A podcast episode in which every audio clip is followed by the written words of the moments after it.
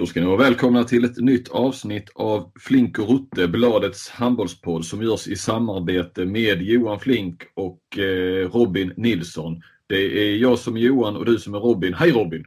Hej! Det hade inte blivit mycket till podd om inte eh, samarbetet eh, med oss två hade funkat.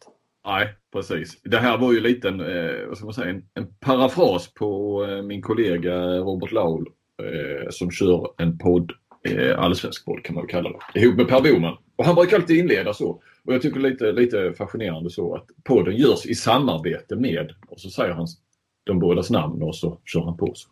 Mm. Ja, men då tar vi vidare och håller uppe tempot. Eh, konstaterar att vi har ju två gäster i, i eh, den här veckan.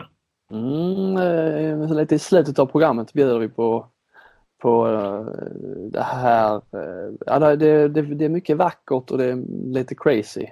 Eh, det är en salig blandning. Det är två, två gäster som inte påminner ett skvatt om varandra. Nej, och, och inte som har så mycket med handboll att göra. Förknippas inte så mycket med handboll. Nej. Ska vi säga vilka det är? Ja, kan du ja. Det är två Sportbladet-kollegor eh, till mig då. Det är Simon Bank. Han har ni säkert koll på vår eh, eh, oerhört duktiga eh, och eh, trevliga, snälla, ödmjuka krönikör. Och sen har vi Linn Nordström. Skulle du gå med på att säga att hon är oerhört snäll och ödmjuk eller?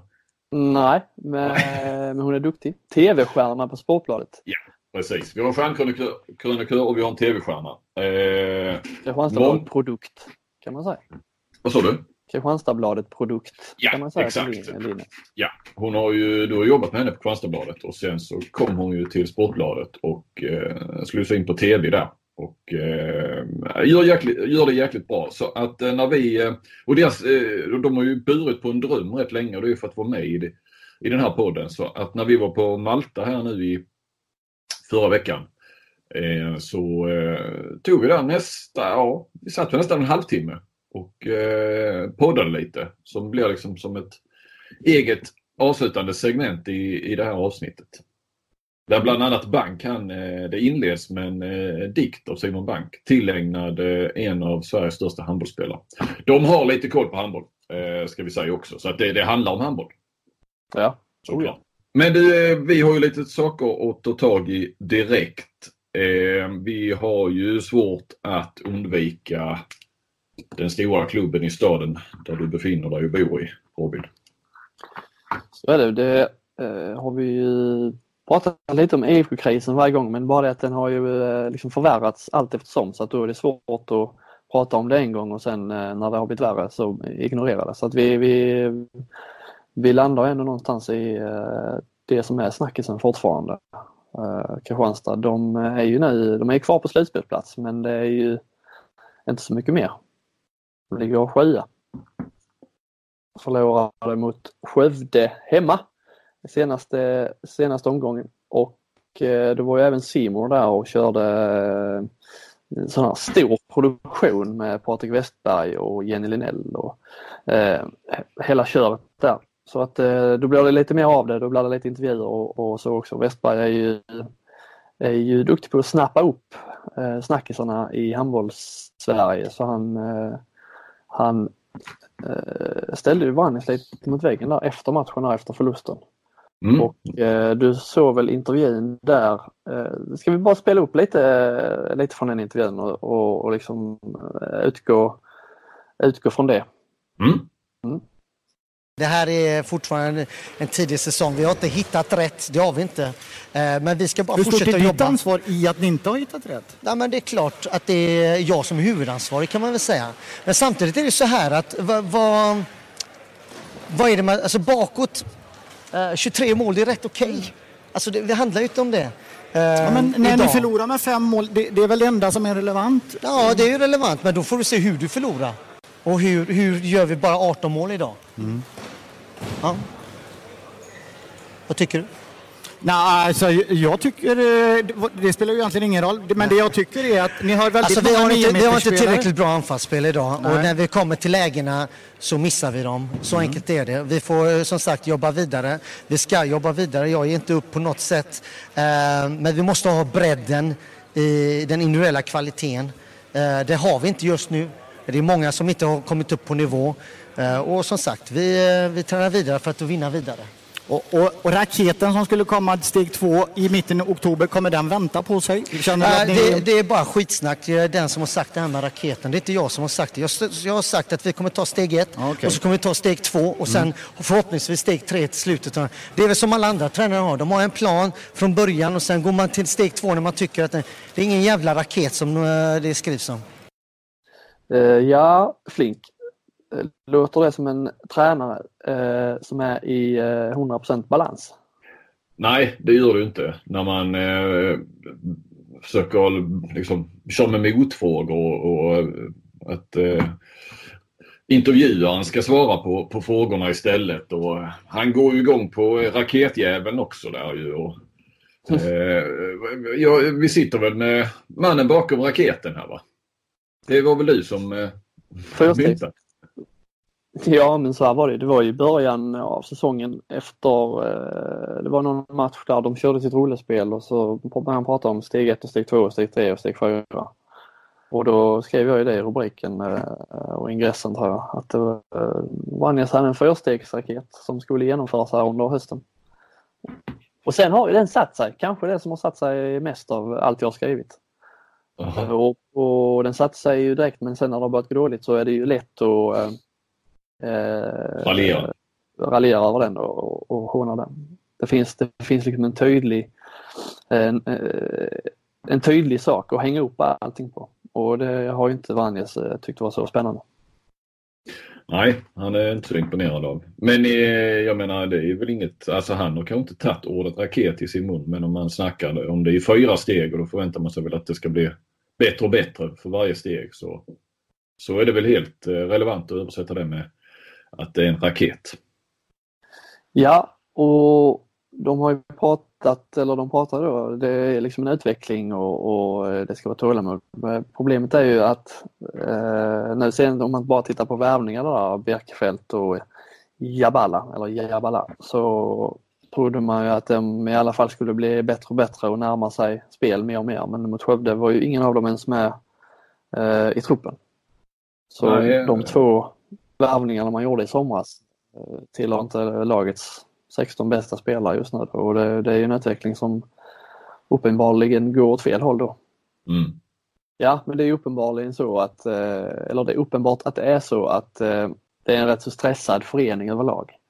Branjes är ju, jag vet inte om han inte är van, alltså han hade ju i Vesprem gick det inte så bra där heller. Jag vet inte hur bevakningen var där från ungersk media. Du var ju där nere, men det är svårt att svårt för dig ändå kanske att säga men det känns precis som att han är i en helt ny situation. Att han inte eh, riktigt vet hur han ska förhålla sig till att han får kritik. Uh, han säger ju att han, att han tål kritik men det, det, det känns liksom som en... Uh, det känns stressigt och det känns, det känns ärligt talat inte riktigt som att de har koll på läget eh, just nu. Och jag tror att eh, Vranjes får ju mycket kritik såklart. Eh, rättmätigt, eh, rättmätig kritik. Men jag tror att det, är, att det ser ut så illa som det gör nu. Jag tror, eller jag är eh, övertygad om att det är liksom det är en kombination av mm, rätt många dåliga saker så, som har liksom eh, kraschat här i början. Och jag vidhåller ju då att eh, truppen är lite för dålig för att göra några under med. Inte, jag menar absolut inte, så ni behöver inte håna, håna det. Jag menar inte att, de, att truppen är så dålig så att de ska ligga på sjunde plats. Eh, men jag menar att det är en del. Eh, och istället då, Vranjes, istället då för att eh, komma in i en trupp som trots allt eh, är rätt så sammansvetsad. Det, det är spelare som har varit här i några år nu. Istället för att inte ändra för mycket utan eh, låta dem köra liksom. Det har ju varit rätt så för även om de inte vann guld i fjol så har det ju varit, eh, de har vunnit eh, grundserien har de vunnit fyra, fem år i rad. Eh, fyra år i rad i alla fall. Och eh, ett spel ändå som, som har fungerat i det stora hela. Istället för att låta det liksom köra på Eh, kanske göra lite små justeringar där man tycker så har han liksom ändrat om allt. Och när truppen då inte riktigt är rätt balanserad. Jag tycker den är lite felbalanserad. På vilket sätt fel? Nej men alltså de har eh, på högernia till exempel där har de ju eh, Tater då som har varit andra val eh, hela året och så har de tagit in Simon Bjerkefelt som inte då får spela. Och redan där då är det en felbalanserad för att då har de ju tvingats ta upp eh, Walter Krin som högernia för, för Tater inte, han kan inte spela 60 minuter alla matcher. Eh, De har en, en 9 uppställning som är som saknar eh, spets då. Om man tar bort Olafur så är alla ungefär lika bra. Det är liksom ingen, tydliga, ingen tydlig startsexa som eh, de andra topplagen har. Där man har tydliga, tre tydliga startspelare på 9 meter och så får, eh, går man runt på, på övriga. Då. Här är det liksom det, det är nya spelare som startar varje match. Ingen riktigt kliver fram. Alla, det, det finns liksom ingen som sticker ut, ingen spets. Det finns en galen bredd. Men det spelar liksom ingen roll när man kastar in nya hela tiden och alla är ungefär lika bra. Det, det, det händer liksom ingenting. Och när de då, som Vannis nu har gjort, gjort om hela, hela spelet, gjort om allt runt omkring. Eh, jag tror det har blivit liksom helt snorigt i skallen på många av spelarna.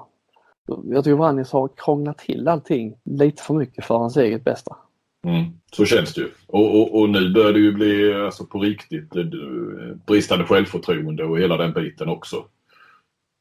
Som ju kan vara smått förlamande om man hamnar där. De har ju ändå varit rätt så långt ifrån det under massor av år. Det har ju bara rullat på. Ja, särskilt inte då när eh, allt är nytt och man har liksom ingenting, ingen trygghet att falla tillbaka på för att allt är helt nytt.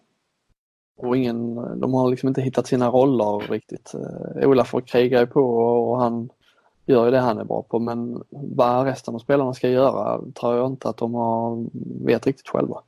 Det är ju, eh, nej, nej jag förstår vad du säger. Och sen, sen kan man ju, och det gjorde ju din eh, chef, ställde ju, satte ju frågetecken kring eh, värvningsstrategi och varför man inte eh, har lockat Sveriges eh, största talanger. Eh, vi har väl varit inne på det här, jag tror jag har sagt det någon gång. att Vi var inne på deras värvningsstrategi där. Ja, men att, man, att det borde vara givet att, att man vill komma till Kristianstad. Som, eh, jag menar, du får ju... Det blir handboll på heltid om du vill det. Eh, förmodligen bättre betalt än någon annanstans. Eh, eh, ja, hela den professionella... Eh, handbollsstad. Eh, ett, ett, sär, ett intresse i särklass, alltså publik och så, även om den minskar lite, så är det ju fortfarande ändå i en egen division. Men så verkar det inte vara. Eller? Nej, Jan Peter på Kvällsposten hade ju pratat med sportchefen Jeppe Larsson och han sa någon grej där som jag reagerade lite på. Eh, uh, JP han hänvisade ju då, eller läste upp det Patrik hade skrivit där om, eh, om värvningsstrategi och, och så svarar uh, Jeppe där på det. Uh, ja, självklart, jag, jag citerar. Självklart är vi intresserade av de bästa talangerna. Vi frågar dem men vi har inte nått fram. De har inte velat komma till oss. Nej. Ja, det är ju anmärkningsvärt. Ja, ja, ja, ja. du, du har ju det här Champions League-spel, alltså Europaspel. Ja, det har ju varit Champions League och det är det ju fortfarande för dem också. Som är som ett skyltfönster som skulle locka till att, till att gå till Kristianstad för det blir en, en eh, snabbare väg vidare som de flesta ändå vill. Ja, det är det enda jag tänkt på. Det beror på det enda jag kan komma på liksom som, som eh, skulle kunna fungera som någon sorts förklaring är väl det här med speltid. Att är man ung och, och lovande så eh, vill man inte riskera att gå till Kristianstad och, och därmed få sitta på bänken. Nej, och, och liksom, det kan ju vara vissa positioner där det har... Ja, just nu är det inte någon som är bra, men, men så nu kanske det finns någonstans luckor eller så. Eh, men, men tidigare där man haft ja, två etablerade spelare framför sig kanske och så. Eh, och så har man känt att nej, inte var tredje, då är det bättre att vara första val i, ja, i vilken annan klubb som helst. Mm. Eh, Men sen samtidigt, ja, det, det är inte så att Kristianstad aldrig har eh, värvat unga spelare som sen har visat sig utvecklas som, som tusan och gått vidare. Det, det finns ju rätt många sådana exempel som, med spelare som har kommit hit och inte varit på någon europeisk toppnivå och lämnat som, som eh, landslagsspelare. Liksom. Ja, men det är Lagergren och Tolbring. Ja, de här, eh, vi har ju norrmännen Mm. De vet inte hur eftertraktad men Tolbring hade ju inga anbud. eh, Vet jag pratat med honom om. Eh, och, och honom tog Kristianstad jäkligt sent. Lagergren hade ju varit i RIK och misslyckats. Så, eh, var, ju, var ju inte heller het på marknaden. Nej, och Henningsson är ju ett annat Mm. exempel som man, som man tog som kanske inte sågs som en sån här, eh, liksom, oh, han var väl ingen var väl ingen talang liksom som, ja visst han, han var, ju, var ju en talang men det var liksom ingen, eh, ingen Nej. sån som man höjde på ögonbrynen över och tänkte oj vilken... Nej, inga jävla- egenskaper som stack ut. Alltså ingen, nej, Walter Krintz eller Alfred Jönsson eller Nej, Hallbäck. precis. Nej. Och nu är väl han, han lämnar kanske nu för, eh, med anbud utomlands när hans kontrakt går ut. Så att, eh, det finns ju många exempel på, på spelare som har eh, liksom lyckats slå sig in. Så att, eh, ja, jag har svårt att förstå riktigt det, att de har så svårt att locka till sig talanger. Mm. Nej, och så har de väl velat värva mer färdiga spelare och det ska liksom, ja, guldet ska ju tas varje år sen så ska man ta nästa steg i Champions League och så vidare. Men, men eh, där har man ju inte lyckats. I, där. där har inte lyckats hitta rätt. Nej. Ja, jag vill, sen vill jag säga en grej till med laget. De har ju, Mm. jag har pratat lite med både Vranjes och, och Jeppe och de eh, Någonstans så landar man ju det när man pratar med dem att eh, som GV brukar säga, man ska inte krångla till det i onödan. Alltså spelarna de kör, de tänker för mycket. Det är det, det, är det, det, är det vi brukar landa i. Mm. Men det, det kan man även applicera på eh, både sportchefen och tränaren. Ja.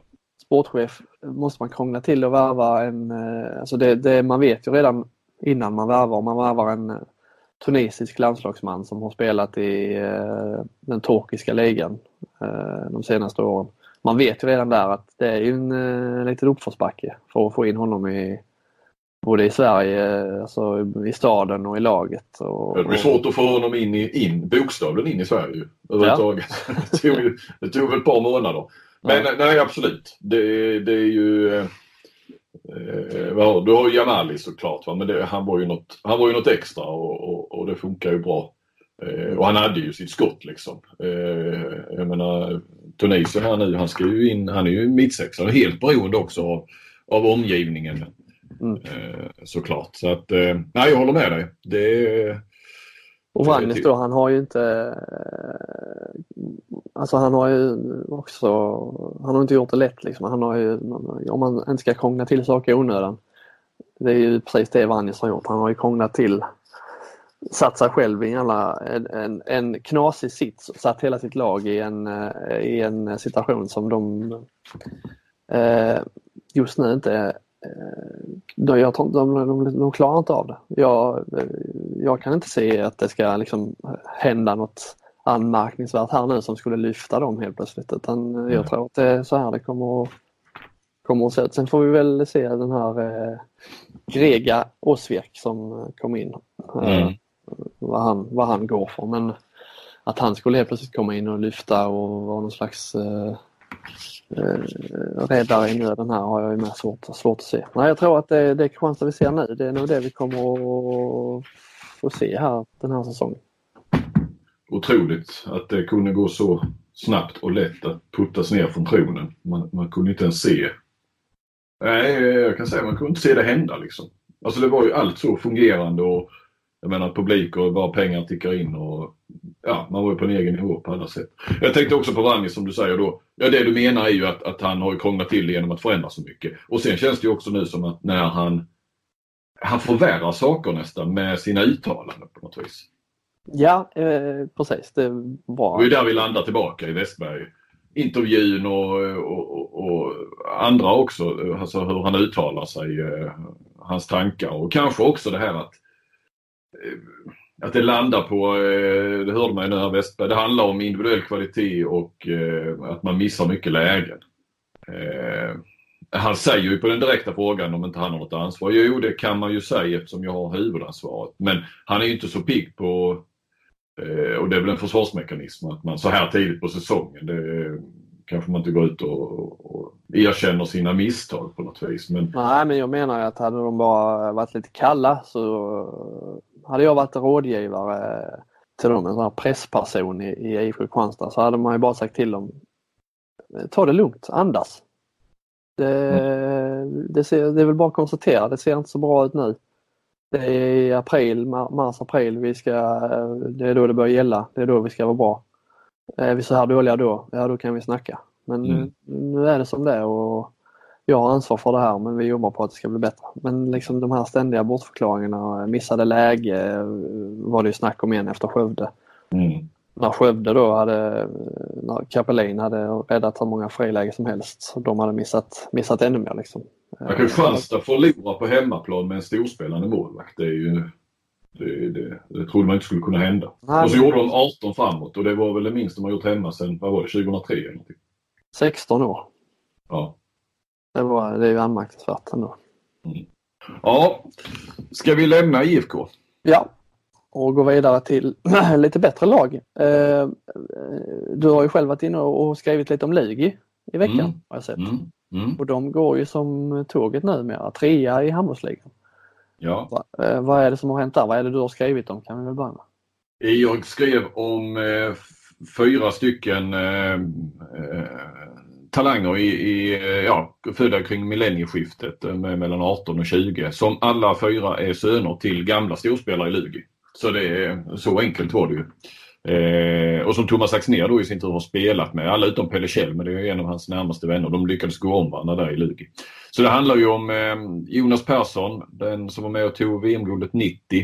Den gamla storskytten. Hans son heter Isak eh, och är alltså då vänsterhänt kantspelare tekniskt. Där, där har ju äpplet fallit långt från trädet. Så sett. Eh, och sen är det Paul Ybolacker med Eh, hans son Theo Ybolacker och han är ju vänsterhänt han också, högernia.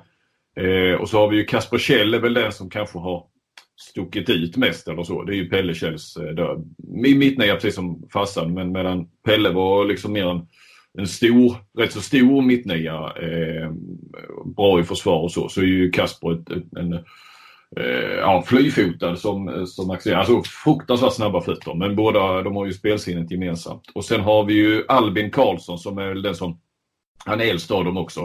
Eh, han är född 99.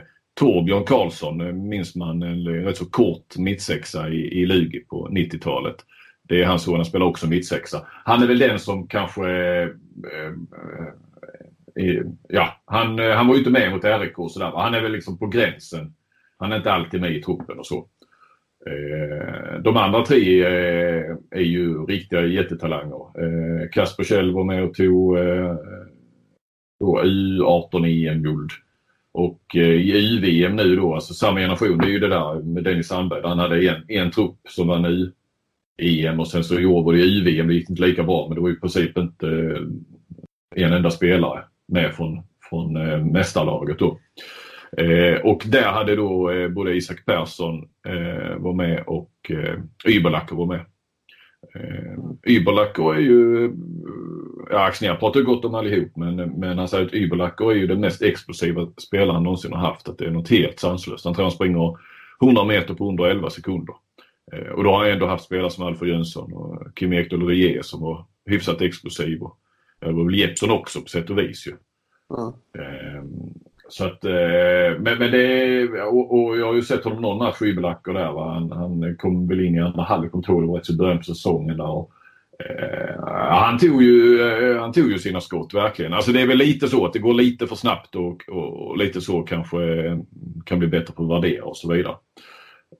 Men eh, nej, eh, nej, det var väl, eh, ja, det var en rätt så given vinkel i och för sig. Va? Men jag var nere och träffade dem de här fyra. Fyra goa killar. Det är, det är väl Albin Karlsson då. Tobbe Karlsson är väl, han var väl den som kanske, ja han kändes som den mest mogna eller så. Medan eh, Yberlacker då som verkar ju vara, eh, ja han är inte rädd på banan så eh, ju lite annan typ vid sidan om. Mm. Rätt så blyg och så. Det var väl Isak också. Kasper snackade en hel del också. Kjell. Ja, men det här är ett rätt, det är ett rätt nytt lag, alltså även om eh, Kjell var inne lite så i fjol och spelade och de har fått speltid innan. Men det är ju hela Lugi känns som ett rätt nytt, mm. nytt bygge. Alltså ett uh, ungt och nytt uh, talangbygge. Att de lyckas så bra så snabbt är ju, som Axnér alltid lyckas med, med de här talangerna. Alltså att de, de får fram nya, det är en ungdomsverksamhet såklart som, är, som är, levererar också till Axnér men han får ändå ihop det på, ändå på den här nivån så snabbt. Att, det, att han får det, det är fan eh, imponerande. Ja, det, det får man ju lov att säga. Och, och, vi var ju rätt många som var så skeptiska då, det här unga. Det har tappat Hallberg bland annat. Och, eh, Wikman Mode försvann ju redan inför förra säsongen. Va? Men så har han tappat en hel del i erfarenhet och tid. Ja, Gildenbäck drog ju och nu tror jag jag tappar namnet på någon. Det var väl någon mer som, eh, som försvann. Men, men eh, så vi trodde ju rätt många där skulle slåss för en slutspelsplats. Medan Axnér var ju ganska sådär att jag är helt säker vi går till slutspel och att man, vi har liksom aldrig, allihop missat hur bra sådana här spelare blir på ganska kort tid. Alltså, då, vi såg inte dem från när de nu åkte ur där då någon gång i mars, april. Eh, och sen är det ju ett halvår där de tränar och gnuggas och, och får mycket mer ansvar och så. Va? Så att han var ju ganska övertygad om att Kanske inte att de nu, och det är inte säkert att de slutar trea. Men eh, och, och ja, det blev lite som han sa det, han lät så övertygad också. Så jag förstod precis vad han menade, att man, man kan undra, ja det är ett dumt lag, jo. Men det ju, händer ju, det kan ju hända med rätt, med rätt träning och så, så, så kan det hända jäkligt mycket för sådana spelare. De är, de är inte mer än 18-19. Alltså jag menar, Kjell är väl en sen 00 alltså han har inte fyllt 19 ännu. Han är född i november, december tror jag. Ytterligare en av dem, Isak eller eh, Ybelak och är väl inte heller, har inte heller fyllt 19 tror jag. Ja, jag kan inte huvudet nu. Men eh, nej.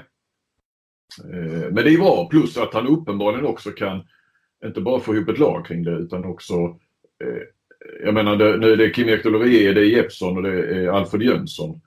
Eh, jag menar, jag tror för Jönsson kommer inte med till EM och är ganska tydligt han inte med i denna truppen. Men det är ju definitivt en framtida landslagsman känns det som. Om inte liksom, skador eller något märkligt skulle hända. Mm. Och du har Jeppsson och Kim Ekdahl är ju två vänsternierna förmodligen i EM-truppen.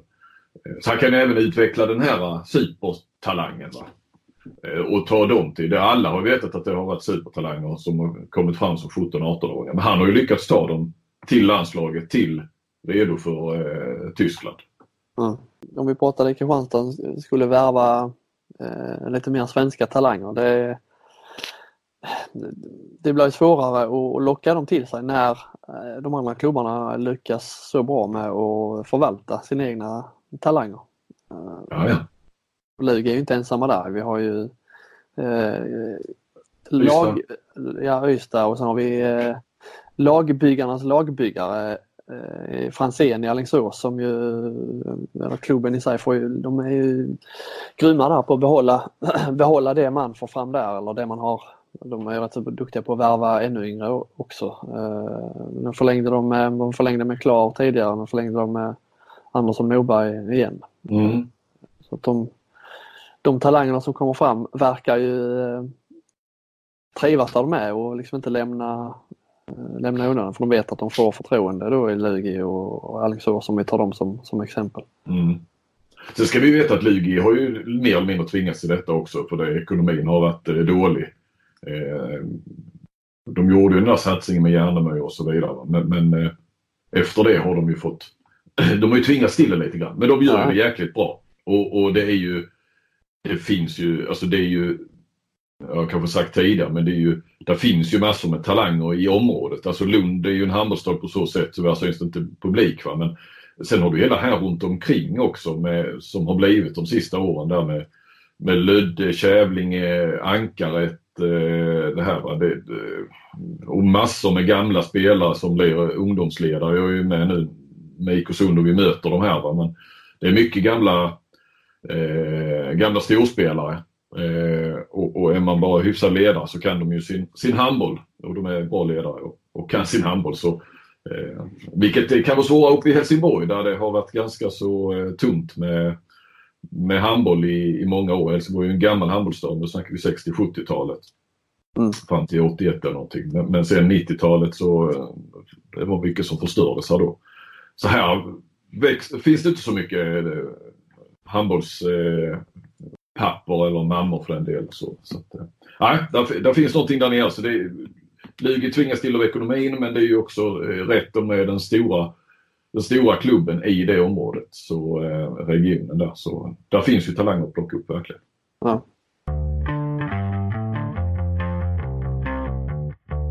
Några korta punkter på detta Flink, vad tar du om det? Ja, ska vi köra det? Jag hittade en, en eh, superkort spaning. Eh, drar inga större konsekvenser, noterar bara att eh, Barcelona handboll då som, som har hetat Barcelona Lassa fram till i somras. Något, jag tror inte de heter något med Intersport, Barcelona Intersport. Alltså, inte för att man någonsin sa det eller så men formellt heter de det och det var ju det som stod i, när du vet, när man ser Champions League eh, hemsidan och sådär. Men eh, nu har de, eh, nu heter de bara Barca. Om du kollar både deras hemsida och, alltså fotboll är inte det utan handbollen. Eh, och eh, officiella Champions League, eh, alltså IHFs Champions League-sida och så vidare. Eh, jag har försökt faktiskt googla lite sådär att, eh, att det har gjorts någon grej av det att, att de har bytt namn. Men det har de inte gjort så att eh, nu kan vi säga Barca och det är det officiella namnet. Skönt också om man ska skriva om dem. Nu händer inte det i mm. år för Kristianstad inte deras Champions League-grupp. Men slippa det här Lassa. Vi kan också konstatera att det, det börjar märkas sportsligt för Red Baslid att man har eh, puttats iväg från sin eh, numera rivna hemmaarena Lisebergshallen. Eh, det kom någon tweet så jag där att de bara hade tagit... Källfält va, ska vi väl credda honom? Mm. Ja. Mm. Eh, tre poäng i Skandinavium. Eh, så vi kollar, dubbelkollar de har faktiskt tagit fem poäng. Mm. Eh, två segrar och en oavgjord sen de flyttade in i Skandinavium. Men det är ju Eh, på 12 matcher? På 12 matcher, precis. Så att, eh, och innan då ska man veta att innan de flyttade till, eller innan de lämnade Lisebergshallen så var de ju obesegrade där eh, hela förra säsongen. 18 matcher, eller vad var det? Så? Något sånt. Ja, om det sträckte sig en, del, en bit in på, på säsongen före det också. Ja, det måste du ha gjort i så fall. Men eh, ja, det är ju ändå anmärkningsvärt ovanpå kan inte hela... Bara vara, kan inte bara vara en slump. Nej, nej alltså jag menar det, det, har ju pratats otroligt mycket ändå och debatterats om, om eh, och kritiserats hur eh, Göteborgs stad har skött det här med arenan. Men alltså nu, nu kan man även visa det. Ja, det har ju påverkat på planen, bokstavligen. Ja, ja. Eh, jag har mejlat lite med Mäkinen. Ja, klart du har. Domarbasen. Mm. Det börjar med de här, vår diskussion om blåa kort och röda kort och och så här. Och sen eh, svarar han lite där. Eh, han köpte ändå lite eh, resonemanget där. Jag menar ju att de blåa korten eh, att en idiotisk idé från början för att domarna måste, alltså, och det bekräftar han också där i sitt mejl, att domarna för att det ska kunna bli en rapport så måste domarna visa det blåa kortet direkt efter en situation. Mm. Eh, det är inte så att de kan eh, kolla på situationen i efterhand och, och sen eh, konstatera, ändra sig där att nej, det borde vara en rapport på det. Utan det går inte. Man måste visa det blåa kortet direkt när man ska skriva rapporten och så är det kört för alltid. Eller? Nej, eh, det är det inte. Mäkinen kan faktiskt själv skriva då en, en rapport.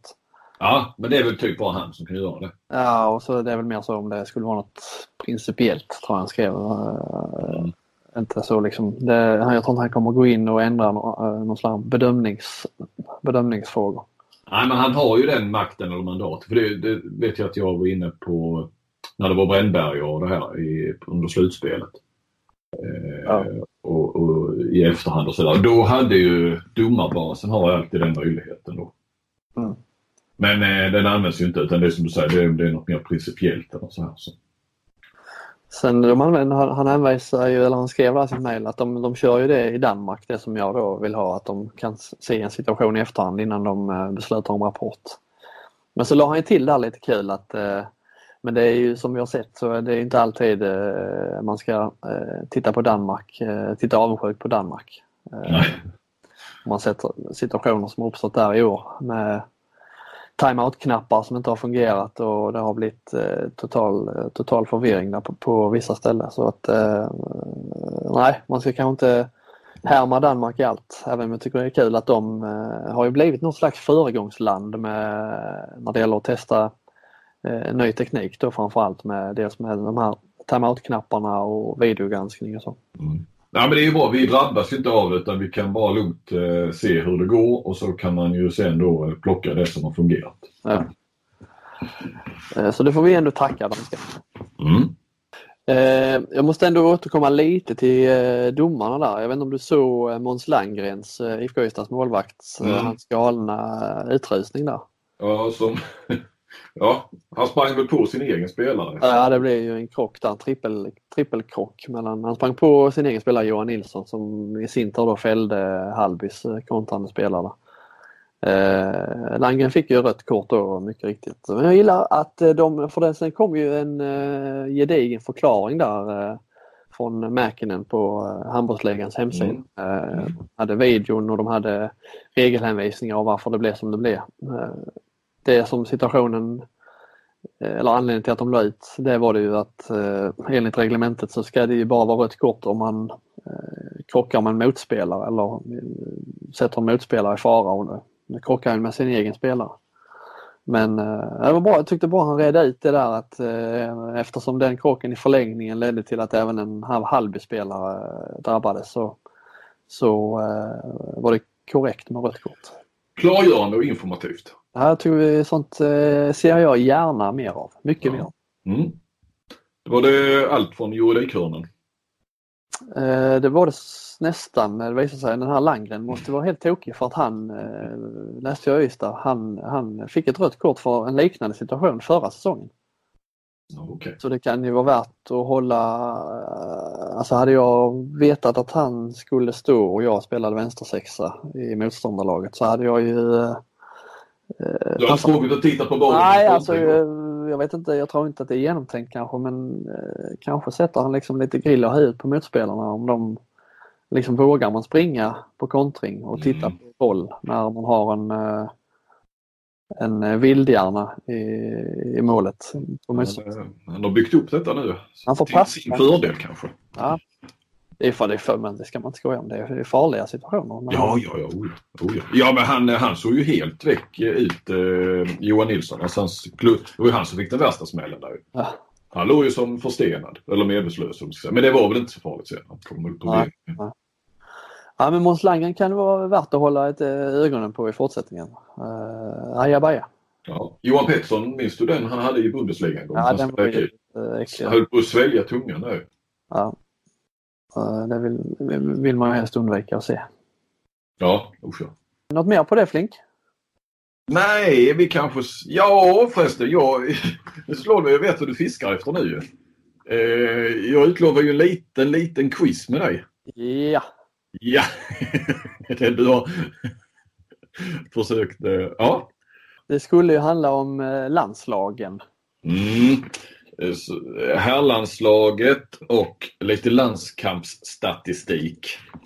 Eh, upptäckte ni, jag vet inte hur länge sedan det var, eh, eh, det här bör väl Daniel Wander vara inblandad i, att eh, numera, det har ju funnits den här listan på alla landslagsspelare och, eh, som man kunnat titta då, antal eh, landskamper och mål, A-landslaget. Men numera ligger det ju även eh, ungdomslandskamper. Eh, så, men vi kan ju börja med en liten uppvärmning bara. Eh, och så, det här är det jättebra. Vi har klagat på statistik inom svensk handboll tidigare. Alltså när vi snackar ligorna då. Eh, men här är det ju bra. Här kan man då söka på olika kolumner. Man klickar och så sorteras det om och så. Det är ju så vi vill ha det i, i ligan sen. Men eh, vi kommer nog att och, och, och gå till pension innan det händer. Du, du kan väl ge mig de tre svenska spelarna som har gjort flest eh, A-landskamper? Och nu snackar vi bara här sidan. Bäddar du in det i någon sån här så du ska ta mig på sängen? Ja, det här är helt Eh, oförberett. De är tre spelarna som har gjort flest A-landskamper på här sidan. Mm. Magnus Wislander har gjort flest ju. Ja, Väl? Ja. 384. Eh, Ola Lindgren. Tvåa på 376. Då ska vi bara ta trean med. Mm. Och vilka är det då vi eh, kan det stå mellan? Är det, antingen är det någon målvakt där, Thomas Svensson kanske. Han var väl med längre än Mats Olsson ändå. Mm, men han eh, stod ju över. Han, han pausade ju lite i landslaget. Stod ju över någon mästerskap. Mm. Och sen är det ju Staffan och Magnus Andersson. Lövgren var ju med länge där. Men Staffan borde ju vara. Han var ju med tidigt och var med länge. Staffan gjorde väl aldrig något uppehåll? Nej, han eh, missade VM 2001 på grund av skada. Så bra. Ja, för mig står det mellan eh, Staffan och Magnus Andersson. Men eh, det är Staffan spelar längre. Det måste ju vara Staffan Olsson. Ja, det är helt rätt. Eh, Ettan, tvåan, trean. Ja, du satte dem med beröm. Och jag, sitter, jag är då inte inne på den här eh, statistiken. Nej. Nej. Det hade varit ett tradigt quiz. En, eh, slänger ut eh, den här också, för det här skrev ett knäck på, på för ett par år sedan. Vem har högst målsnitt i A-landslaget? Och då kan jag säga att han har alltså högre, det är en som har gjort riktigt många landskamper. Och han har ändå högre än, eh, alltså du vet, du, du kan ju göra två landskamper och eh, stänka dit, eh, råka stänka dit ett antal mål. Så blir ju snittet väldigt högt. Men det här är en som spelade många landskamper. Han ändå gjorde väldigt många mål. Och han har inte nämnts idag. Då är det inte Stefan Löfgren. Nej, han är eh, trea på 4,25 i snitt. Men vi ska ha ettan. Straff, klassisk straffskytt. Som är börjar på Bengan Boys. Typ bara 90 kanske. Eh, ja, men eh, alltså en som bara gick in och slog straffar. Nej, eh, men i slut. Jo, VM 90 gjorde han ju det. Det är inte någon som har med något statistikverktyg att göra eller? Eh, jo, det kan man ju säga. Björn Gilsén. Ja, precis. Bror till statistikverktygaren Per Gilsén. Ja. Han sitter på 5,06. Tvåa på listan är Lukas Pellas. Han snittar 5. Han har gjort två landskamper och 10 mål. Ja, men han, då är han ju diskad. Ja, men det är det jag menar. Men det är Jag tänker rätt att Stefan Löfgren, att jag tror, tror, vad sa du han var trea? Trea. 4,25 i snitt. Ja, jag trodde han var överlägsen där. Men nu, nu går vi vidare. Det som Mm. liksom var lite nytt här och som nog inte är så uppmärksammat. Eh, eh, U-landskamper.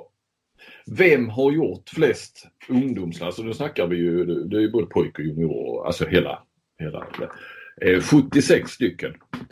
Eh, dessutom ska jag säga att jag tror inte att det finns statistik bak på, på eh, alltså eh, 80-talet.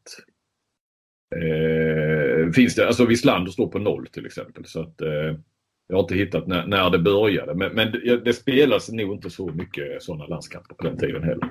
Ja. Så att eh, du, du, vi, vi snackar ju från eh, 90 och framåt. Den är jätte, alltså det är, inte, det är inget svårt namn. Han har spelat i IFK Kristianstad. Jaha, jag var inne på valde mellan Larholm och Kim Andersson. Men eh, de har inte spelat i Kristianstad. Nej. Har spelat i Kristianstad? Mm. Men spelar inte nu? Nej. Nej. Spelar fortfarande handboll. Mm, Marcus Olsson gjorde väl inga eh, ungdomslandskamper knappt. Han har eh, väl det fortfarande. Ja, nu tar du nog det. Han har målrekordet för en match i, eh, i elitserien. Ligan. Men eh, inte i Kristianstad då utan i Sävehof kanske? Nej. Ja, kanske det. Mm. Ja, då är det Jonathan Stenbecken. Ja, precis. 76 stycken. Ja. Eh, så det här är ju så, alltså det är ju det här, sådana här frågor tar man inte utan ledtrådar. Eh, eftersom det har liksom aldrig uppmärksammats. Eh, vi, tvåa på listan eh, är Sebastian Lindell, 74. Jaha. Eh, eh, var väl i Lyge va? Bland annat. Jag hade nog fått säga många ledtrådar för jag skulle ta den. Kim Andersson är trea på listan med 71. Eh, Men... Eh, Larholm fyra. Nej. Eh, Kim Andersson är den som gjort flest mål i, i ungdomssammanhang också. Stenbecken tvåa. Gottfridsson trea. Eh, det jag ska se här. Nej, han gjort bara 55 stycken. Han är långt ner. Han är, nog, det är rätt tätt där uppe. Vä väldigt tätt. 76, 74, 71, 69, 68. Alltså han är kanske, fast han har 20, bara 20 landskamper mindre än Stenbecken Laron så är han typ 30 på listan. Eller någonting. Men du, eh, den här den är inte så rolig. Den som har gjort flest U-landskamper utan att ha gjort en enda A-landskamp. Nu ska vi säga, det är lite lättare numera att få de där eh, A-landskamperna eftersom det är de här ligalandslag och eh, Bengan hade ju sina en sån här Team 2000 och lite sånt men det var ju ändå eh, det var inte så mycket utlandsproffs och på det viset. Man hade sina landskampsdatum och då var väl liksom alla med. Det var inte, alltså, alltså nu, Alltså den, den, den enda jag vet. eh, Jag vet en enda spelare som har gjort u-landskamp och det är för att jag själv har skrivit om den här människan många gånger. Och Leo Larsson har väl aldrig gjort en A-landskamp men han har ju spelat i u-landslag. Ja, eh, så kan det säkert vara. Nej, den här är, ju- är, är ju omöjlig att ta. Men han, har, han är på en, två, fyra, sex. Han är nummer sju över u-landskamper. Han har gjort 67 u-landskamper och ingen A-landskamp. Payam Hatami. Ja. Ja, den har jag aldrig tagit. Nej, Björn Nordmark har gjort 66 u-landskamper men inte, han är väl eh, Lugi va? Kävlinge. Eh, många, många mötte jag honom. Mm. Eh, vi har annan Linus Rasmussen. Är också en sån. Tobias Albrektsson. 65 u-landskamper. Marcus Sjöbrink. 64 u-landskamper ingen A-landskamp. Ja. Leo Larsson, helt rätt. 63 eh, u-landskamper och inte en enda A-landskamp. 63 var det så många. Mm. Ja, det var ju ändå eh, det var skönt. Det tog en. Ja. Eh, Henrik Signell, 58 u-landskamper en, en A-landskamp. Är viktigt ändå. Ja, ja. Han är väl, fasen var det, han är väl den enda som har gjort, spelar han i alla landslagen under en och samma säsong eller sånt? Han var ju, han var ju en jättetalang. Så han, han gjorde ju A-landskampen som väldigt ung. Mm. Han kan ha spelat både i typ, eller inte kanske den här på, inte alla yngsta, men junior i U21 och A-landskamp samma säsong. Det finns någonting där. Det där vet eh, Koa garanterat. Säkert bättre än vad Signell själv. Eh, Ja, innan eh, Simon och Lind kommer in så har du någonting att säga. Vi har, vi har blivit med sponsor. Ja. Och det är då eh, Kagans buss eh, som kör alla lag här i Kristianstad kan man säga. Hockey, handboll och fotboll och hela köret. Kagans buss anordnar alltså resor till handbolls-EM eh, både i Malmö och i Stockholm. Och gudarna ska ju veta att eh, det behövs svenska fans i Malmö. Eller? Ja, ja. Danskarna har köpt nästan allt. Danskarna kommer ju dominera fullständigt där. Eh, Kagens buss anordnar då eh, bussresa till Malmö den 19 januari där Sverige ställs mot, eh, förmodligen blir det Danmark då. Eller Norge. Men eh, i Danmark, om vi utgår från att Danmark vinner sin grupp så, så kommer de att möta Danmark då. Så det är ju en, eh, en viktig match och eh, dra på sig den svenska landslagströjan på läktaren kanske. Kagens buss anordnar även eh, bussresa till Stockholm då, finalhelgen. Båda semifinalerna och eh, finalen på Tele2 Arena. Vi pratar då den eh, 26, 24 till 26 januari. Matchen i Malmö där, eh, eller resan till Malmö är den 19 januari. Så eh, mm, gå gärna in på kagansbuss.se så hittar man mer info om eh, olika biljett och busspriser där. Så, ska vi lämna över till, till Bank och Nordström och Flink? Ja, Så hoppar jag ut och eh, tackar för den här veckan. Vi är tillbaka igen om två veckor. det är vi.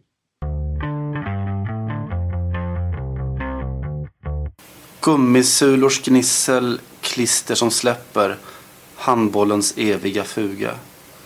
Jag minns stormar som ven när allt blåste bort, hur de samlade sig kring en fura.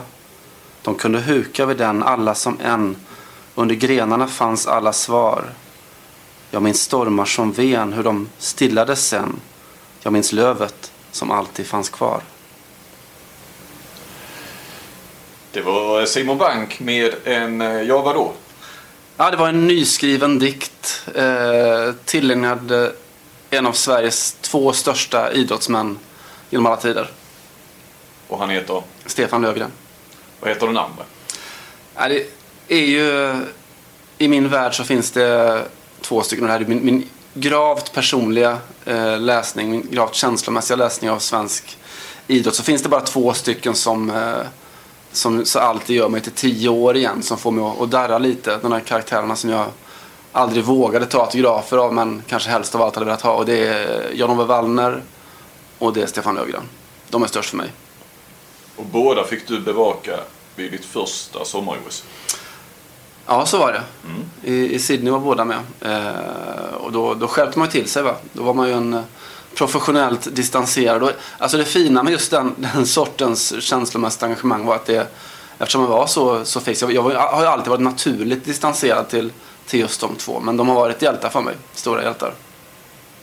Linn Nordström, vad är, vem är din eh, favorit? Av eh, alla idrottsmän genom tiderna. Ja, vi kan ju, du kan ju ta den. Eh, Marcus Ekenberg, Mjällby. Det måste jag väl kunna säga. Ja, absolut. Handboll då? Eh, I handboll... Eh. Nej men det Lövet kommer man ihåg liksom. Det är svårt också att säga någon annan efter den här dikten. Då måste jag ju ha en motivering som eh, matchar denna. Och det har du inte på, Nej, inte på så här. på studs. Inte på uppstuds. Det kommer en Marcus Ekenberg-dikt här sen alldeles snart. Medan vi pratar lite så skriver hon den. Ja, ja. Ja, ja, men härligt. Vi sitter eh, på Malta och ska bevaka fotboll ikväll, herrlandslaget. Men eh, ni var sugna på att eh, spela in lite handbollspodd. Ja, vi har varit sugna länge. Ja. Ja, så, alltså, vi har ju i princip eh, torrkört i det senaste året tror jag. Ja. Eh, till stort så här, förtret för alla våra andra kollegor så har vi ja, vi har torrkört handbollspoddar i, under alla våra resor i princip. Te- alltså smakat på det. Vi har smakat på det kan man säga. Mm. Vad, är, vad är det bästa med handboll? Eh, att eh, det är eh, så jävla mycket känslor som man inte får se i så många andra idrotter. Fotbollsspelare är ju samlade på planen. Det är ju inte handbollsspelare på det sättet. Du får ju känslor direkt i ett anfall, i ett misslyckat försvarsspel. Det är väldigt få andra idrotter där du får den direktkontakten till känsla under pågående match. Ja, alltså, dels är det ju såklart karaktären, alltså hela kulturen inom handbollen som jag tycker är så, så oerhört fascinerande. Eh, sen, alltså det är lite... Jag kan liksom relatera till, till en annan sport som jag också har gillat jäkligt mycket som är alltså konståkning. Så. Och grejen med konståkning för mig är att där är utmaningen eh, att du ska göra det som är så fruktansvärt fysiskt krävande. Du ska liksom hoppa upp eh, maximal satsning, fyra meter i luften, snurra fem varv. Eh, och sen landa och så ska du göra det här till någon, någon klassisk musik. Och så ska du samtidigt se ut ungefär som att du ska liksom ut på, eh, gå på bröllop eller eh, ut på krogen. Det ska se ansträngningslöst ut. Det som är coolt i handbollen tycker jag är att det, det är en sån maximal fartsatsning, så liksom matematiskt organiserat.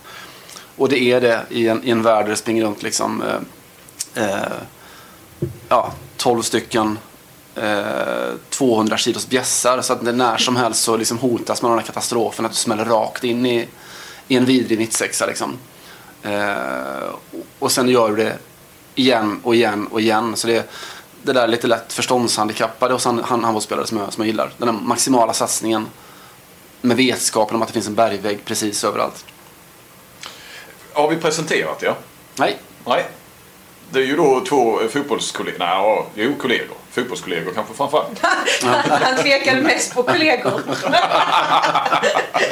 ja, precis. Eh, Simon Bank och Linn Nordström. ja det blir det. Ja. Eh, som sagt, eh, vi ska ju ta upp lite olika ämnen. Ni har fått välja lite ämnen här själva. Ja. De vi har torrkört innan. Ja.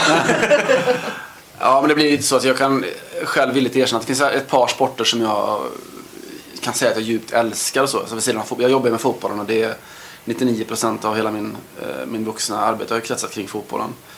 Så jag följer inte med i de andra andra sporterna som gillar. Och det är, det är pingisen och det är handbollen liksom som har... Eh, alltså bandyn finns med som min barndom också men jag kan ingenting om bandy, jag kan egentligen ingenting om handboll, jag kan egentligen ingenting om den moderna pingisen heller men jag... Eh, jag tycker oerhört mycket om sporterna, ungefär så. De finns med mig liksom, i mitt, mitt arv. Och jag är ju fostrad eh, på Kristianstadsbladet. ja. Och då Av mellan- Robin Nilsson eller? Av Robin Nilsson ja. Av, eh, av och allas Rutte. Så att då blir det ju ofrånkomligt att eh, handboll blir en stor del av ens arbete när man arbetar på en, på en tidning. Som i mångt och mycket nästan bara bevakar det som huvudsak. Speciellt under mina år för då gick det dåligt för Mjällby också. Och för KFF som de hette på den tiden. Du är lite orolig för Kristianstadsbladets eh, framtid kopplat till IFK Kristianstads framgångar, Linn. Nej, men jag, jag, eh, dels är det ju unikt att man fortfarande som en lokaltidning kan ha så många eh, fastanställda på sporten. Och det är ju alltså, unikt och så jävla fint att det kan vara så fortfarande. Att inte den här urbaniseringen som vi, som vi andra har liksom eh, drabbas av, förutom du då Flink som lämnade efter några år i Stockholm. Men, eh, men det beror ju också på att man har ett lag som drar nästan 5000 till varje hemmamatch och där det finns ett intresse för eh, både materialare till den största stjärnan i laget och det gör ju att man kan ha så många journalister anställda. Så att när om eh, IFK Kristianstad skulle gå samma öde till möte som Östersund till exempel då, då blir det lite svårt för en sån sportredaktion. Så jag hoppas att den orangea väggen står sig länge. Den orangea väggen ja. Den var du med och, var du- med och byggde den? Eller vad är det nu? Det, det, du kan rama in ditt liv, Mitt liv. kring eh, murar och väggar. Ja, att jag föddes 1989. Alltså året när de började riva Berlinmuren. Ja, jag trodde du skulle säga den kinesiska 89. möjligt, möjligt, möjligt med. Men sen har jag också då fått vara med om när den orangea väggen, som också då kan liknas vid en mur, byggdes upp igen. För att under mitt, eh, mitt tidiga liv, eller min barndom, så var det mycket snack om hur bra IFK Kristianstad hade varit. Och sen fick man liksom vara med när den reste sig igen. Så att jag känner att det finns en inmurning, en inramning, en handbollsinramning i mitt liv, som en röd tråd. Simon Bank, vad är, du vill prata om RIK? Ja, i princip. Jag bara slänger eh, ut Exklusivt och uteslutande. ja, men grejen var ju, alltså det, det är kopplat till, eh, alltså mitt, mitt vuxenblivande var ju i Göteborg. Jag flyttade till Göteborg när jag var 18, bodde där i fyra år. Och det var väl den perioden i mitt liv när jag liksom konsumerade kanske allra mest idrott då. Alltså jag, då hade du väldigt många Göteborgsklubbar i fotbollen som var, som var bra. Det var, var mitten på 90-talet. Ja, precis. Och du hade liksom alltså Blåvitt, Gais ju såklart, men även Alltså jag såg oerhört mycket matcher med Frölunda, jag, alltså även Gunnils, jag kunde åka till Ljungskile. Eh, men så var det när vintrarna kom så, eh, så gick jag väldigt, väldigt gärna och väldigt ofta på, på RIKs hemmamatcher i Lisebergshallen. Och det där var ju, det var ju sånt oerhört, oerhört lag de hade då. Eh, och jag tyckte det var så det var så enormt stort att följa dem. Och så det, det, just det häftiga med att man kom ju så nära liksom. Man såg ju allt det där på, på så nära håll. Och det var väl där som liksom fascinationen för, för Lövet också fanns. Jag tyckte jag han var alltså förkroppsligade någon sorts ledarskap. Han var, eh, han, alltså han var ju handbollsung i alla fall. Jag vet inte om han var 23, 24, 25 någonting när han, han kom in och tog över RIK. Eh, och var liksom så så jäkla bra såklart, men också så, han var så snygg, han var så liksom så stor och han var redan så ung så var han en sån oerhörd ledare för, för ett lag som var fullt med liksom, världsstjärnor som det blev sen. Eh, det var, nej, det var, det var, det var otroligt var det. Det var otroligt eh, fascinerande att följa dem. Kan du känna en sorg Linn att inte eh, vara med och bevaka IFK Kristianstad nu de här senaste, du har inte varit där när de har de här guldåren. Senaste fyra, fem. Eh, nej, det känner jag inte Nej. sorg över. Jag känner att det finns eh, så kompetenta kollegor på Kristianstadsbladet som, som hade liksom en annan tyngd i sin bevakning. Sen tycker jag det var, det var nyttigt för dem att det kom in någon som, som inte var handbollsfrälst på det sättet. Ehm, men nej, jag känner ingen, ingen sorg i det. Jag fick ju vara med om ett eh, SM-guld och det är väl det första därefter. Den du var, var Ja. Mm. Det var jag. Eh, så att jag eh, fick ändå höra den här allsången från Stora Torg i Kristianstad. Och den här eh, glädjen upp på redaktionen när vi hade fönstren öppna. Så jag fick smaka på det lite. Du fick också din första, eh, så här, du var med Nyhetsbomben. Jag Jag tror nämnde man- det här igår när vi snackade lite. Ja, men jag tror inte man får så många sådana under eh, sin journalistiska karriär. Alltså när, det blir, när man blir liksom överrumplad över både mänskligheten och eh, då i kontrast till, till idrotten. Det var ju, jag tror att det var i slutet på 2014 kan det ha Kan det ha varit. varit. Kan det ha varit. Eh, och ehm, eh, Dan Beutler var målvakt i IFK Kristianstad. Och de hade, jag tror att de precis hade spelat ett derby mot Ystad. Eh, och han hade gjort en jättematch. Och sen så sitter vi på presskonferensen efteråt och då var Mats Samuelsson eh, med. Sportchefen då. Eh, Precis. Som, eh, som det hade målats upp att det var ju som han som hade tagit hem Dan Beutler. Eh, till Kristianstad. Eh, och eh, det redan då började ju kännas konstigt varför sitter han här liksom och så kommer Don Beutler in också och då säger Mats att det här var den sista matchen som eh, Don Beutler gör för IFK Kristianstad. Han, eh, vi avslutar hans kontrakt eh, här och nu. Och samtidigt då så står eh, Don Beutler eh, inne på planen och eh, gråter. För då berättar han också för spelarna i omklädningsrummet att han utan IFK Kristianstads vetskap skrivit på ett kontrakt med en iransk klubb eh, för att lösa en eh, bankskuld som han hade i Hamburg. Han skulle ner och spela en sån här penningstinn turnering. Ja. Någon vecka eller sånt. Skulle bara vara iväg ett par veckor. Exakt. Mm. Och hade inte talat om det för Kristianstad och då skulle de ju bland annat eh, möta Hamburg i en cupretur och sen skulle han missa två stycken matcher också i serien. Och där, jag tror inte att det var den första smällen som Mats och de fick med Beutler utan där kände de väl så här: okej då åker du så bryter vi kontraktet. Men alltså jag kommer, jag, och då var Robin Nilsson med med och då drog vi efter andan. Alltså det var verkligen så här. nej. Det kan, alltså de ändå så här, det var stort så här när Chippen kom hem till Mjällby, det var också en sån skräll som man kommer komma ihåg. Men det här var liksom, det var så många aspekter liksom det här med pengar och Beutler, alltså det var, nej det kommer jag aldrig glömma. Då fick ni skriva en del. Då fick vi skriva, det fick vi jobba en del. Papper i maskin. Ja. Ja för det, var, vi hade, alltså det, fanns, alltså det fanns liksom nästan ingen hemsida då. Alltså Mm. vi gjorde tidningen. Det var liksom en deadline. Och sen Rutte var ju teknikgeniet. Mm. alltså, ja men det var så. Han var liksom den enda som hade lite koll på hur vi fick ut det på nätet. Vilken makt, vilket försprång han hade. Ja, Redan då. Ja, redan då. så var det. Ja. Eh, du Simon, du säger att du inte kan någonting om handboll nästan. Ändå har du skrivit, tror jag, jag tror det blev ett par krönikor under OS 2012 som eh, vida översteg mina försök i ämnet under eh, snart 20 år. eh, men eh, jag kommer ihåg hur jävla roligt det var och hur man kunde sakna det som vi har haft i fotbollen just med reportrar, krönikörer, samarbetet, lagarbetet och sådär. Det var jäkligt roligt då när Sverige gick till, eh, för då, då, det var ju precis i slutet och du, simningen var avslutad för din del och sådär.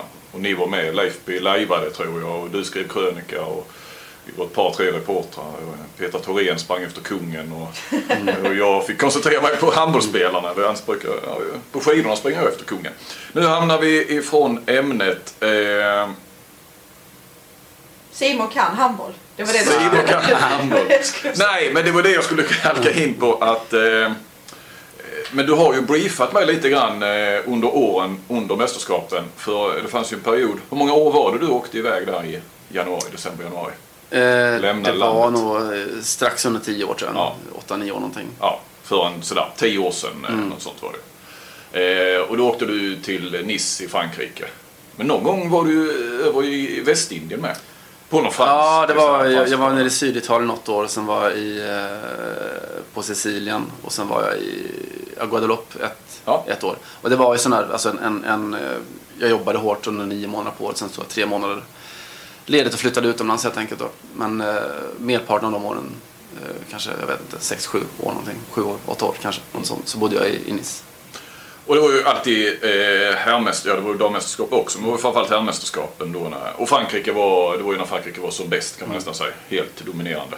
Då brukade du skicka lite, så här, lite klipp och lite så vad som skrevs i eh, de franska tidningarna. Vad, eh, ja, vad, hur var bilden? Hur mycket skrevs det och hur var intresset i Frankrike? Och, Ja, då var det stort. Och synen på deras ja, landslag. det, det låg ju väldigt så väl tajmat på något sätt. Alltså, fransk sportjournalistik sysslar ju mest med det är fotbollen väldigt, väldigt mycket. Det är rugbyn en del. Eh, cykelsporten är, är väldigt stor. Men så då under min, de här tid, vintermånaderna jag var nere så var det ju det var Austra- Australiska öppna som gick. Eh, så tennisen fick sitt och sen så var det ju som du säger väldigt mycket att handbollsmästerskapen var då. Och det, och just det bevakades, just det laget. Les experts kallas de ju i- kallas de fortfarande tror jag. Mm. I, I Frankrike. Eh, Experterna som alltid, alltid tog sina OS och VM-guld och EM-guld. Eh, de skrevs det väldigt mycket om. De var oerhört, oerhört populära i, i, eh, i de, de franska folkdjupen. Jag vet inte om man kan jämföra det med kanske, alltså säg eh, svenska landslag på, på damsidan i fotboll eller sådär. När mästerskapen väl kom, alltså i vardagen så bevakades det verkligen inte särskilt mycket. Men när mästerskapen kom så blev det enormt stort. Då kunde du skicka just eh, så här enorma texter de skrev i L'Equipe initierade Mm. och så om, om franska landslaget. Hur var... Eh, ja, du hade ju någonting där, synen på, eh, på svenska landslaget som jag blev lite förvånad över. Ja, alltså det, det var egentligen var två saker som var fascinerande. Dels var det synen på det franska laget. Liksom att det, var, det som gjorde dem väldigt stora var ju att de var en, någon slags motpol då under många år till fotbollslandslaget som ju var... De slet sig med enorma sådana där eh, PR-problem kan man säga med, med liksom Sydafrika-VM som någon sorts Armageddon med spelarstrejk och allt vad det var. Bilden av fotbollslandslaget var att det var ett gäng bortskämda eh, förortskids eh, skrev som inte sällan med så här, någon sorts pseudorasistiska förtecken att det, de hade förstört och de, de hängde inte ihop och de var bortskämda, de var rika. Handbollen däremot var eh, något helt annat. De liksom förkroppsligade en fransk självbild som handlar om ett, ett multikulturellt men också homogent Frankrike som funkar så bra tillsammans. Och eh, Alltså med, med, med karaktärer som alltså Onestas ledarskap såklart men också eh, Abolos han målade tavlor på fritiden. Liksom. En Paris förortskid som målade tavlor på fritiden fanns inte i fotbollen. Eh, du hade, eh, vad hette han? Bertrand Gilles va? Ja. Eh, Bobo som, som ju var deras stora ledare, den långhåriga som, som var så klok och så snygg och så smart och liksom själv skrev krönikor i L'Equipe vet jag, under, under många år. Eh, Så det var liksom bilden av Frankrike. Men det som var fascinerande, som var väldigt nyttigt för mig i min, min roll som journalist sådär, eh, och som, som svensk om man ska vara lite högtravande, var ju att se att man kommer från ett Sverige där vi, vi älskar vårt svenska handbollslandslag liksom, på ungefär samma sätt som, som fransmännen älskar sitt. Men så fick man ett utifrån perspektiv och insåg att det där är inte alls så jävla givet. Vi tycker att ja, men slangen, vilken kille liksom. Staffan Olsson, den är underbar gigant som, som skjuter 20 meter över från, från 9 meter. Deras bild av Sverige var ju att vilket rövgäng liksom. Vilket osympatiskt grislag det där är. Eh, vilket säkert stämde såklart. Det är klart att det var inga, det var inga korgossar direkt. De var fula, de var smarta, de var elaka, de var fysiska. Eh, och att liksom få den kompletterande bilden var jävligt välgörande. Att hemma kunde vi gnälla över att eh, fransmännen var arroganta, att de hånade Sverige när man vunnit något guld och sådär. Men, men deras bild var att, ja men lite sådär, den enes hjälte, den andres gris. Eh, Då Det säkert var så här, spännande. de hade domarna med sig. Alltså, det Ja, brukar ju ja, vara så de, de som är Ja. mest rutinerade. De, de var ju de stora stjärnorna. Frankrike var ju inte så bra där när Sverige var som bäst heller. nej. Förrän då 2001 när de slog Sverige och det någonstans därifrån sen så blir Mm. ju Frankrike bättre än Sverige kan man ju säga. Eller VM 2003 var väl det stora, stora Mm. tronskiftet. Men, eh, men innan dess så var ju inte Frankrike så Ja, de tog ju faktiskt ett VM-guld där mitten på Ja, det var 90-talet. Jackson-tiden. Ja precis, det var ju något, ensam, något, ett par sådana mästerskap var det ju. Men Sverige var ju generellt bättre. Mm. det var ju Sverige, det var ju mot Ryssland och det var eh, spanjorerna nästan mer. Kroatien i något, någon OS-final. Så. Ja, det var ju intressant. Linn, du har ju en, ett, ett talangprojekt. Linn Att jag- är ett talangprojekt. Att jag bedriver någonting här. Ja, nej men jag, jag Vi satt på frågade... flyget Ja, men jag Mm. frågade dig, du kunde ju inte svara. Och då brukar det betyda att det ligger något i ens, i ens fråga som nästan var mer kanske ett påstående. Ja. Nej men jag, jag eh, påstår ju nästan att eh, handboll, att bli bra på handboll är någonting du tränar dig till. Att det, det inte finns några supertalanger som kan gå in som, som 18-åriga, fortsatt lite valpiga i ett landslag och lyckas. Som man kan i fotboll till exempel. Det finns få av dem. Men eh, de finns ändå. Det är fler än vad det finns i handbollen. Och att du inte kan bli en ordinarie spelare i landslaget förrän du är 23-24 och har tränat och har muskler och har liksom växt till dig på det sättet så att du är redo att springa in i de här väggarna som man ska göra. Det tar 100 landskamper innan du är ordinarie. Ja, nej men eh, typ. Mm. Alltså jag vet att vi snackar så här om Jerry Tolbring till exempel men, men det är ju, vad är det då, en på, på sju år som vi kommer på. ja, vi har ju Lukas Nilsson. Han är fortfarande bara 22. Och han har väl gjort fem mästerskap. Mm. Men också exceptionell. Ja, ja. Men det, det är ju liksom, ja okej då, då har vi en och en halv. Ja, men jag, tror, jag tror att du har en poäng och att man... För det är ju känslan att du håller, du håller på längre som handbollsspelare generellt. Eh, och att det tar längre tid. Eh, och jag vet inte om det har också med sporten att göra. Vi pratar ju om det fysiska och kanske det här samarbetet på något vis. I fotboll är det ändå 11 man. Du kan alltid slänga in en supertalang på kanten som springer lite där. Eh, men jag har kollat. Jag har gått till... Eh, Till läggen? Till läggen, ja.